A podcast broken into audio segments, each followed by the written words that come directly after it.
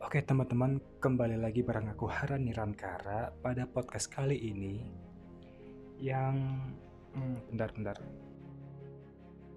Oh, sesuai tema kita kali ini oh, yaitu tentang feminisme. Aku pengen ngebahas soal feminisme setengah mateng. Oke, tanpa banyak Fafifu, mari kita mulai saja podcast kali ini. Feminisme jika diartikan berdasarkan sifat, feminisme berarti sifat kewanitaan. Nah, jika kita mengartikan berdasarkan ideologi, feminisme berarti sebuah aliran yang memperjuangkan hak-hak perempuan maupun kesetaraan gender atas dasar hak asasi manusia.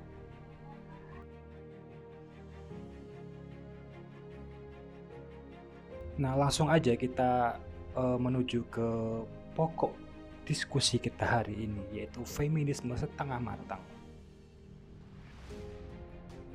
Feminisme setengah matang menurutku yaitu kumpulan wanita yang suka onani intelektual, cherry picking, punya ego yang besar, haus akan eksistensi, yang selalu merasa dimarginalkan oleh dunia, khususnya oleh kaum pria Nah, dalam beberapa isai, aku suka sekali merosting kaum feminis tengah matang. Kenapa? Karena menurutku sangat lucu. Mereka menuntut tentang bla bla bla sedangkan mereka hanya bisa berkuar di sosial media dan menjadi social justice warrior. Nah, mereka itu uh, kenapa sih suka berkuar-kuar di media sosial itu dan mendapatkan predikat sebagai SJW atau Social Justice Warrior karena mereka itu sukanya protes mulu, ngeluh mulu, kerja enggak. Nah, fem feminisme menurutku itu harus harus empowering, empowering other woman. Tunjukkanlah hal-hal positif yang bisa menginspirasi seperti seperti contohnya eh ini loh ada ibu-ibu di desa itu mereka kuat mau ke kebun atau sawah untuk bantu ekonomi keluarga. Atau ada juga nih sosok wanita kuat yang rela jadi pemulung demi biaya kuliah anaknya. Atau misalkan menurutku menurutku feminisme itu ya kayak gitu. Maksudnya fe maksudku feminisme yang benar-benar feminis itu ya kayak gitu. Yang apa yang nggak cuman bisanya cuman ngeluh protes dan lain-lain.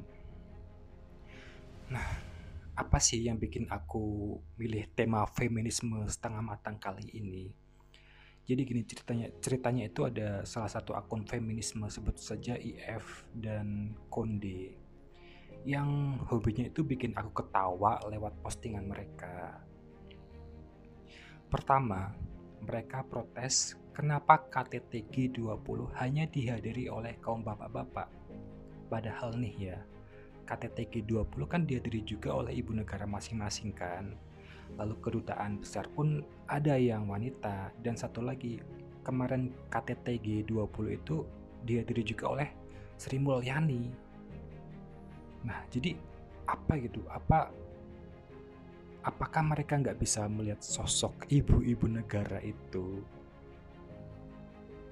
Nah, jadi itu lewat uh, poin pertama ini aku tuh jadi jadi bertanya gitu ini postingan maksudnya ini postingan maksudnya apa sih? Apa adminnya terlalu buta buat lihat eksistensi kaum wanita di KTT G20 lalu yang kedua akun itu menyebutkan bahwa KTT G20 tidak membahas isu soal perempuan. Nah ini nih yang bikin aku tambah tambah bengek KTT G20 kan itu forum ekonomi global. Apa hubungannya coba dengan isu perempuan atau kesetaraan gender atau konflik yang menjadikan perempuan sebagai korban? Gak ada kan?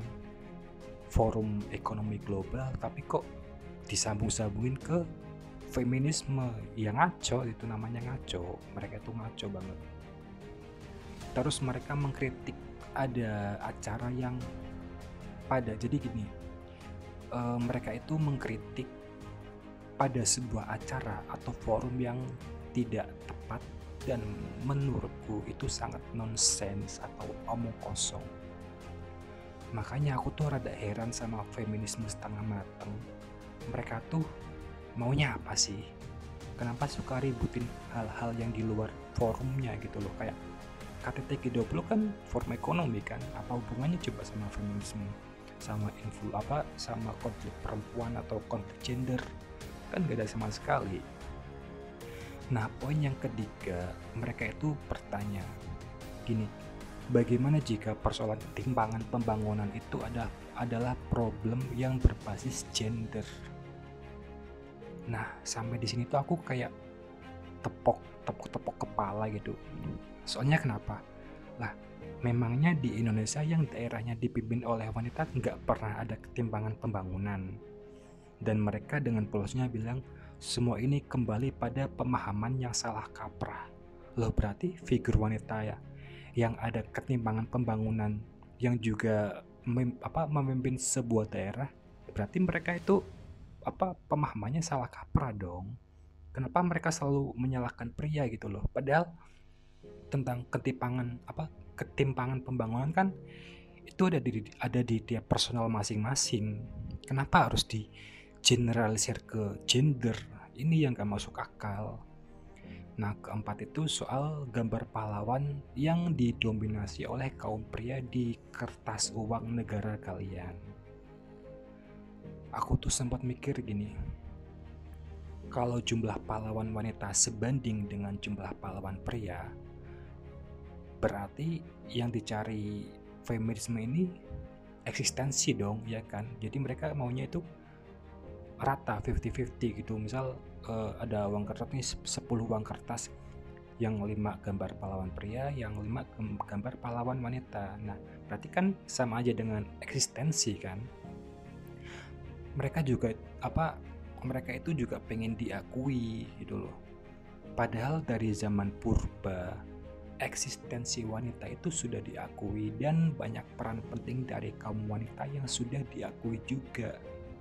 Jadi sampai sini tuh ngapain gitu masing-masing nyari apa nyari-nyari pengakuan nyari-nyari kesetaraan yang sebenarnya dari dulu itu udah ada tinggal mereka itu ngembangin aja gitu loh mereka nggak ngembangin masalahnya cuman bisa keluar-keluar di media sosial SJW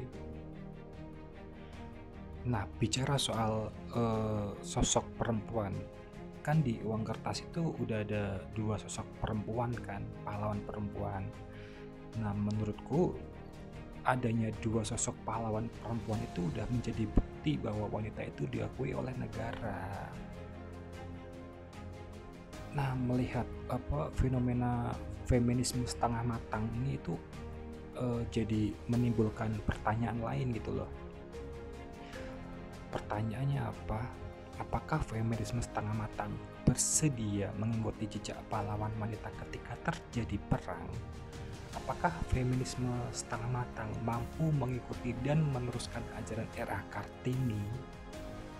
Soalnya gini loh, mereka itu jalan kaki satu kilometer satu kilometer aja udah ngeluh ngangkat galon ngangkat galon air aja malas-malesan gimana mau ngikutin ibu-ibu di luar sana yang rela jadi kuli bangunan yang mampu angkat kayu untuk membuat api di dapur yang mampu berjalan puluhan kilometer setiap hari di pegunungan jadi menurutku itu feminisme setengah matang itu cuma sampah yang bisanya cuma menuntut, memprotes tanpa dasar yang jelas gitu loh.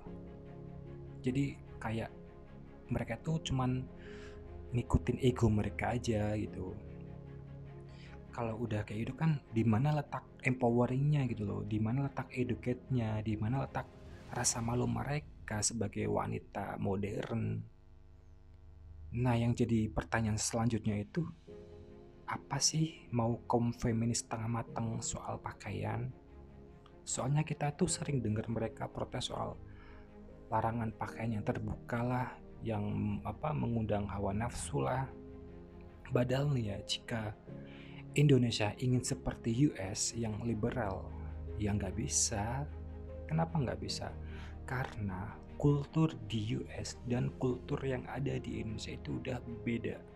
Sosiokultur beda intinya dua negara dengan dua kebudayaan masing-masing jadi yang gak bisa disamain gitu loh di Indonesia itu mengenal yang namanya norma termasuk norma sosial.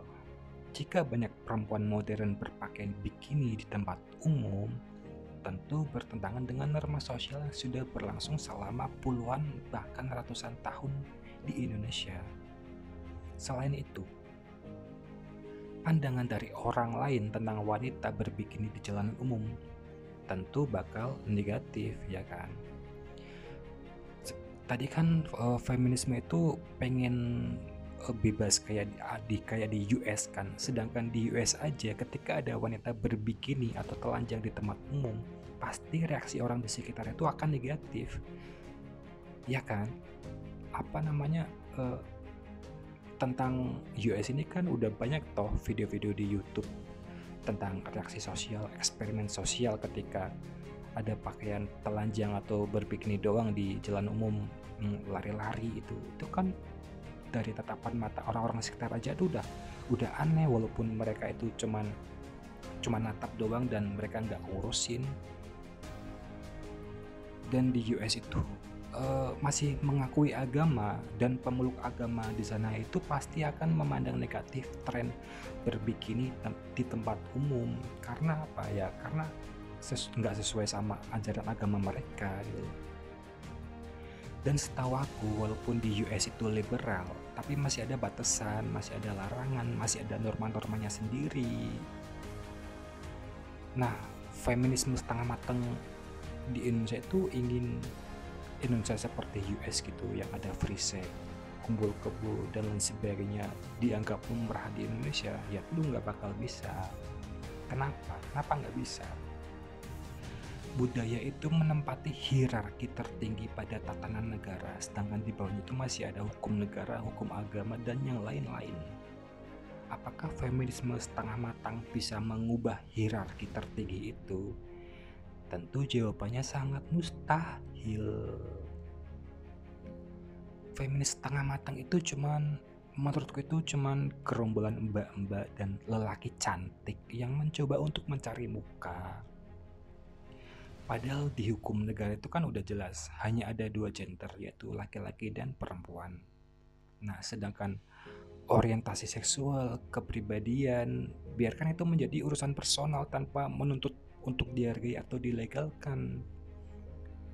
Jadi ibaratnya itu ngelihat kondisi feminisme setengah matang di Indonesia itu kayak apa ya kayak agama agama yang paling apa agama yang merasa paling benar paling open minded paling intelektual. Padahal mereka itu belum menjalin apa padahal mereka itu menjalin bukan menjalin sih menjalani pahitnya kehidupan aja belum. Jajan masih minta ke ortu ke kompleks sebelah masih pakai motor gitu yang namanya pergerakan revolusioner. Kan lawak. Aku yang sampai sekarang nggak apa ya nggak habis pikir itu kok ada gitu loh feminisme setengah matang yang masih eksis dengan propagandanya di media sosial tentang inilah tentang itulah. Padahal apa ya mereka itu nggak nggak nggak melihat sosok wanita yang ada di desa-desa yang ada di kampung-kampung yang emang apa emang feminis banget gitu loh. Nyari uang sendiri uh, terus kayak ngurus apa-apa sendiri nggak nggak apa nggak nggak gantungin ke suami atau laki-laki lain. Dan apa mereka itu menunaikan kewajiban mereka atau kayak udah kebiasaan orang-orang wanita di desa, di desa kan di urusan dapur gitu kan. Dan mereka nggak ngeluh gitu loh mereka nggak ngeluh. Kenapa mereka nggak ngeluh? Ya karena mereka itu nggak terpapar oleh apa dogma atau propaganda feminisme setengah mateng gitu loh. Nah coba aja kalau feminisme setengah matang itu ngasih propaganda ke wanita ke ibu-ibu di desa tentang feminis itu feminis itu gini loh bla bla bla ya pasti lama kelamaan mereka yang nggak tahu bakalan ikut terjerumus gitu loh. Nah mungkin mungkin sampai sini dulu podcast kali ini lain kali kita ketemu lagi dengan pembahasan yang berbeda. Nah, buat kalian yang ingin support podcast aku, bisa klik tab support di bawah biar aku makin semangat ngebacot.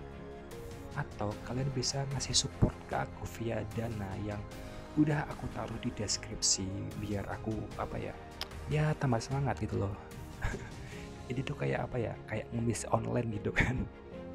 Tapi ya nggak apa-apa lah ya namanya berkarya itu kan apalagi di revolusi industri 4.0 ini kan semuanya tergantung ke internet kan jadi kita butuh kuota juga butuh butuh apa scroll scroll nyari bahan-bahan atau referensi gitu. Oke, tanpa lama-lama aku akhiri aja podcast kali ini. Sampai ketemu di podcast berikutnya. Terima kasih.